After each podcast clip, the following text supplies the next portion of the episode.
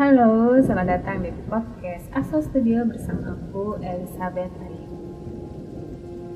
Menjadi diri sendiri membuat kita terbebas. Tidak ada kekangan dan merasa nyaman di mana saja.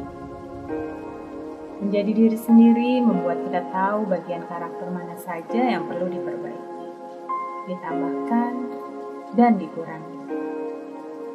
Menjadi diri sendiri membuat kita unik, karena setiap kita diciptakan unik, memiliki pesona tersendiri.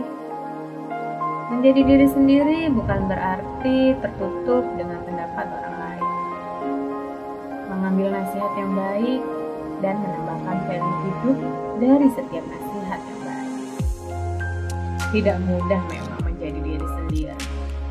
Sifat membanding-bandingkan dan perasaan Tapi di situ peperangan kita. Mau kalah atau menang melawan itu sendiri. Pilihan ada pada kita. Sampai jumpa lagi di podcast Asal Studio bersama aku, Elizabeth